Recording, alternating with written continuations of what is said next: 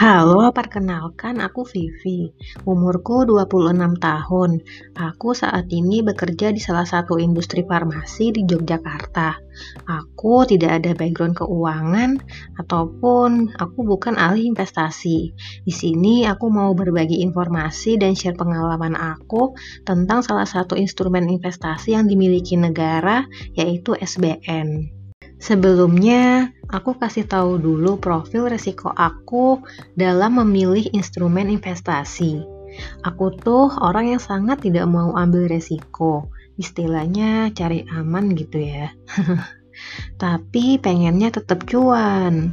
Emang ada ya investasi yang nggak ada resiko loss, tapi tetap dapat untung terus? Mungkin banyak dari kamu yang akan menjawab investasi emas aja, atau deposito bank. Nah, kita bahas dulu yuk satu-satu serta kekurangannya masing-masing. Memang sih, sekarang sedang naik-naiknya tuh investasi emas. Orang-orang pada berbondong-bondong untuk membeli emas.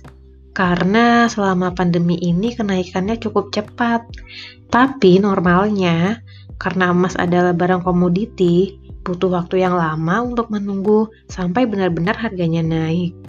Oh ya, baru beberapa hari yang lalu kabarnya emas udah turun loh. Hmm, ternyata investasi emas belum tentu naik terus ya. Terus kamu juga jangan lupa, harga jual dan harga beli emas itu berbeda. Harga jualnya tentu lebih rendah dari harga beli. Jadi, nggak tahu nih kapan pastinya bisa menikmati cuan. Alternatif lain ada deposito bank, pasti lebih untung dari bunga tabungan. Terus bisa diambil dalam jangka waktu yang tidak terlalu lama juga mulai dari satu bulan. Hmm, tapi yakin tetap cuan. Bunga yang paling besar saat ini sekitar 5%. Belum dipotong pajak 20%. Hmm, cuannya dikit dong.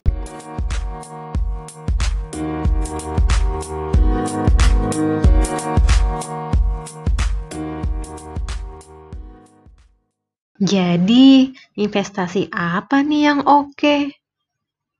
Mungkin masih banyak dari kamu yang belum familiar dengan investasi SBN atau surat berharga negara. SBN adalah surat berharga yang diterbitkan oleh pemerintah untuk membiayai anggaran negara dan bisa juga menjadi instrumen investasi bagi pemegangnya karena bisa memberi imbalan hasil atau keuntungan. SBN itu ada dua, yaitu SBR atau Saving Bond Retail dan sukuk tabungan. Sebenarnya keduanya ini cara kerjanya sama saja, hanya yang membedakan kalau sukuk tabungan itu berbasis syariah.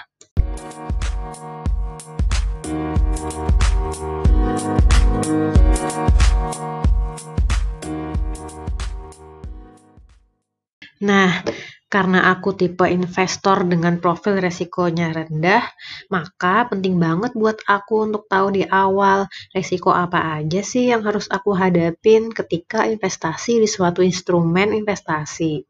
Nah, di sini aku akan bahas secara umum ada tiga jenis resiko utama yang perlu kamu perhatikan untuk setiap instrumen investasi di pasar keuangan. Pertama adalah resiko gagal bayar, merupakan resiko investor tidak dapat memperoleh dana yang dijanjikan pada saat jatuh tempo. Nah, untuk SBN tidak ada resiko ini karena SBN telah dijamin oleh Undang-Undang SUN atau Undang-Undang Surat Utang Negara. Lalu yang kedua, resiko tingkat bunga berubah, merupakan resiko adanya perubahan bunga ketika bunga mengalami penurunan sehingga investor mengalami kerugian. SBN juga tidak ada risiko ini karena bunga yang dibayarkan adalah kupon minimal sesuai dengan yang ditawarkan di awal. Namun jika ada perubahan kenaikan suku bunga bank, maka kupon juga ikutan naik. Lalu yang ketiga, Resiko likuiditas merupakan resiko dana tidak dapat dicairkan. Kalau SBN karena di awal sudah diberitahukan bahwa dana akan disimpan selama 2 tahun. Tapi kamu juga bisa mencairkan loh setelah satu tahun, maksimal sebesar 50%. Menarik kan? Jadi kesimpulannya, resikonya hanya pada resiko likuiditas, sedangkan untuk resiko gagal bayar dan resiko tingkat bunga berubah itu tidak ada pada produk SBN.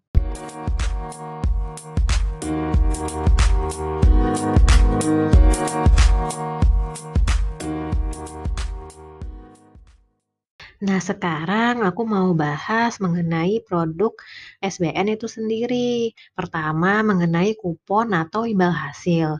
Jadi, pembayaran kupon dan uang yang kita investasikan itu dijamin oleh undang-undang ya, tadi seperti yang dijelaskan. Jadi, jangan takut pemerintah gagal bayar. Dananya juga disediakan dalam APBN setiap tahunnya. Terus, kupon yang ditawarkan lebih tinggi dibandingkan dengan rata-rata tingkat bunga deposito bank. Kalau pengalaman aku waktu invest SBN, dulu kuponnya mencapai 8 persenan. Wow, gede banget kan? Terus untuk SBR yang baru-baru ini, terakhir kuponnya sebesar 6,3 persen. Emang sih lebih rendah dibandingkan dengan kupon SBN sebelumnya, tapi bunganya tetap lebih tinggi loh daripada bunga deposito bank. Nah, besaran kupon yang ditawarkan sendiri merupakan kupon minimal dan bersifat floating. Artinya, jika ada kenaikan suku bunga acuan, maka kupon kita juga ikutan naik. Tapi jika ada penurunan, itu tidak ikutan turun karena diberlakukan sistem kupon minimal. Jadi intinya kalau untung kita ngikutin, kalau turun kita nggak ikut turun deh. Enak kan? Terus kupon dibayar setiap bulan pada tanggal 10. Jadi nggak perlu nunggu sampai jatuh tempo dulu baru bisa menikmati cuan. Keuntungannya bisa langsung kamu pakai atau ditabung biar kelihatan hasilnya. Nah, untuk jatuh temponya sendiri, tadi seperti yang dijelaskan pada part resiko, jatuh temponya itu selama 2 tahun, tapi kamu bisa kok mencairkan setelah satu tahun sebesar maksimal 50%. Tapi nggak kerasa kok 2 tahun itu, jadi mending tetap dikit terus ya, biar cuannya juga maksimal. Karena untuk pembukaan SBN sendiri tidak ada tanggal pastinya, bisa buka, bisa enggak, jadi manfaatkan banget kesempatan itu. Terus untuk cara transaksi, mudah banget alias anti ribet-ribet klub. Kamu tinggal download salah satu aplikasi vintage seperti Tanam Duit, Bareksa.com, Investri, dan lain-lain. Terus kamu daftar di akun aplikasinya itu, lakukan pembelian SBN, kemudian bayar deh. Bayarnya aja bisa via M-Banking atau ATM. Gak perlu ribet kan ke bank. Terus yang paling penting yang terakhir adalah kamu telah berkontribusi untuk negara. Cukup dengan menginvestasikan ke negara hanya dengan minimal satu juta saja, peran kamu sangat berarti loh untuk pembangunan negara. Uang dari kamu akan digunakan untuk pemenuhan APBN. Sedih kan kalau uang investasi terus berasal dari investor asing. Kita juga bisa kok sama-sama berkontribusi untuk pembangunan negara meskipun tidak besar. Tapi yang namanya kecil lama-lama menjadi bukit kan?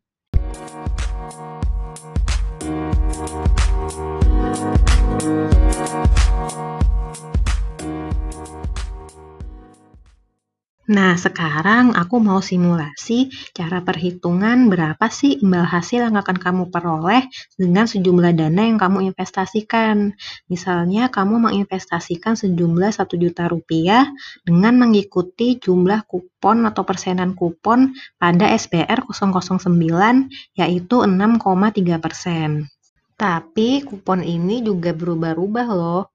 Jadi tidak fix 6,3 persen.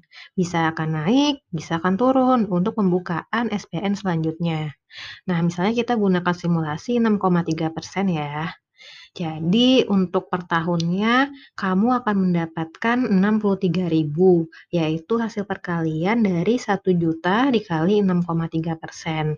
Itu untuk satu tahun. Karena bunga yang dibayarkan atau imbal hasil yang dibayarkan itu per bulan, jadi dibagi 12. 63.000 dibagi 12 sama dengan 5.250. Nah, itu kupon yang kamu dapatkan per bulan.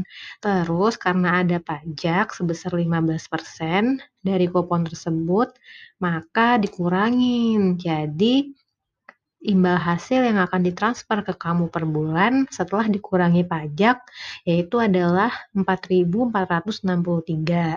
Tapi jangan sedih, pajak 15% itu masih lebih rendah loh daripada pajak deposito bank yaitu sebesar 20%.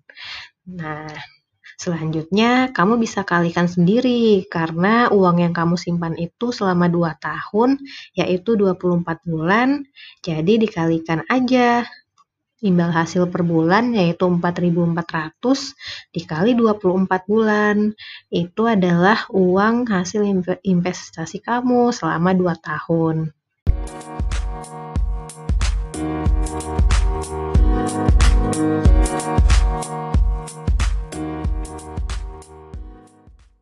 Jadi kesimpulannya, investasi SBN itu pertama aman karena dijamin oleh undang-undang.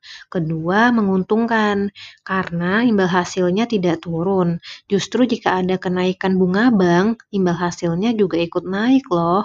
Ketiga, mudah dilakukan karena bisa melalui aplikasi keuangan tanpa perlu ke bank. Terus yang keempat adalah terjangkau, karena mulai dari satu juta rupiah, kamu sudah bisa menjadi investor.